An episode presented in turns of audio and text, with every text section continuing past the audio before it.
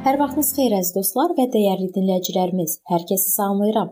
Mənim adım Sona və sizi Allahla 5 dəqiqə adlı podkastımızda xoş gördüm. Biz həyatımızdakı qapılar mövzusunu araşdırmağa davam eləyirik və keçən görüşdə mən belə bir sual verdim. Hətta ən ağrılı problemlərdən əziyyət çəkəndə də həyatımızın qapısını açıb bağlaması üçün ruhumuzu Rəbbə necə həsr edə bilərik?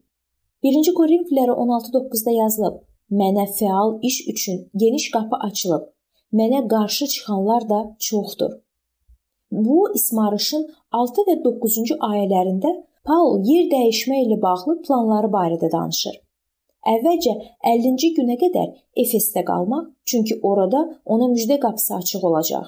Yayda isə Rəbb icazə versə Makedoniyadan keçib Korinfdə qışlamaq. Paul Allahın iradəsindən və Allahın onun həyatında xidmət etmək üçün açdığı qapılardan asılı olaraq planlarını dəyişir, düzəlişlər edirdi. Həvari ümid edirdi ki, geniş qapının açıq olması işlərin yağ kimi gedəcəyinə işarədir. Bilirdi ki, ona qarşı çıxanlar həm fiziki, yəni şər adamlar, həm də mənəvi, yəni şeytan və onun cinləri çox olacaq. Paul rahatlıq və dincəlmək üçün açılan qapılara yox, yerdə Allahın padşahlığını qurmaq üçün imkan yaradan qapılara sevinirdi. Allah qapıları özü bildiyi kimi açıb bağlayır. Özünüzə qapı açmaq üçün yalan və ya digər yanlış yollardan yararlanmayın. Həmçinin Rəbbin sizin üçün açdığı qapıdan içəri keçməyə də ləngiməyin. Gəlin Allahın başqa bacı və qardaşlar üçün açdığı qapılara da hörmətlə yanaşaq və onlar üçün açılan imkanları özümüzünkiləşdirməyək. Həmçinin daha hörmətli hesab etdiyimiz digər inanclılar üçün açılan qapılara paxıllıq etməyək. Vəhi 3:8-də yazılıb: Sənin əməllərindən xəbərdaram. Bax, mən sənin üzünə elə bir qapı açmışam ki, heç kəs onu bağlaya bilməz. Müqəddəs kitabda bəzən vaxtından tez açılan qapılarla bağlı da bir müqayisə var. Onlar bəzən düşünülmədən şər üçün açılır və uzun müddət açıq qalır. Bu qapıları bəzən Allahın kəlamında təsdiq etdiyi həqiqəti deməyə qorxaraq açmağa cürət etmirik. Fiziki həyatda açıq qapı evin və ya ayrıca otağın içərisində nəyin olduğunu göstərdiyi kimi, açıq ağız da ürəyimizdə və ağlımızda olanı üzə çıxarır. Zəbur 141:3-də yazılıb: Ya Rəbb, ağzıma nəzarətçi qoy, dodağımın qapısını qoru. Qoy Allah bizə yalnız xeyirxah fikirləri söyləməyə imkan versin. Şər sözləri sadəcə deməmək kifayət etmir. Onlardan Allahın ruhunun gücü və köməyi ilə təmizlənmək lazımdır.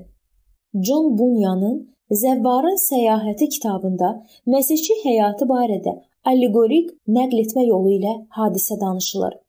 İki baş qəhrəman məsihçi və təvəkkül edən səmavi ölkəyə səyahət edirlər. Səhv qərarları ucbatından şübhələr qəsrinə aid yerdə yuxuya gedirlər. Qəsrin sahibi, ümidsizlik nəhəngi onları tutub qaranlıq və qorxulu zindana atır.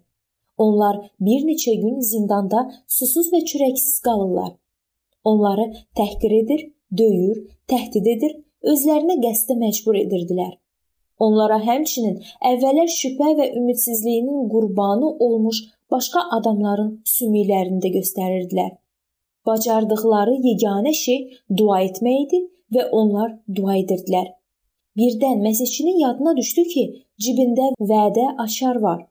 Əvvəlcə zindanın, daha sonra qəsrin həyətinə açılan ikinci qapını açdı Daha sonra hər ikisini güc bəla ilə qəsrin dəmir darvazasını açıb sevinc və azadlıq hissi ilə padşah yoluna qaçdılar. Şübhəyə, ümidsizliyə və ya şeytanın hər hansı başqa yalana qapılmayacağıq. Gəlin vəd açarından istifadə edək. Allahın vədləri bizi şeytanın torundan, istər şübhə olsun, istər ümidsizlik və ya mənəviyyatsızlıq, axmaq fikirlər, hirs və ya şeytanın arsenalına daxil olan başqa bir şey olsun. Fərq etməz. Bizi xilas edib daim qapılarımızı açacaq. Allahın kəlamında istər fiziki, istərsə də mənəvi mənada qapılar barədə çox danışılır.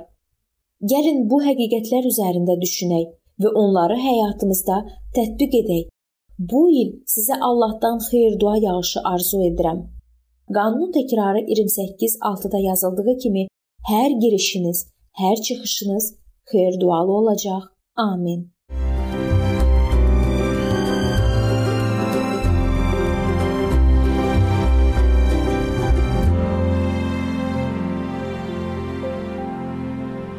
Beləliklə əziz dostlar, bu yerdə bu mövzu sona çatdı. Hər zaman olduğu kimi sizi dəvət edirəm ki, bizim podkastlarımızı Facebook səhifəmizdən və YouTube kanalımızdan dinləməyə davam eləyəsiniz. İndi isə mən sizinlə sağollaşıram və növbəti görüşlərdə görmək ümidi ilə sağ olun, salamat qalın.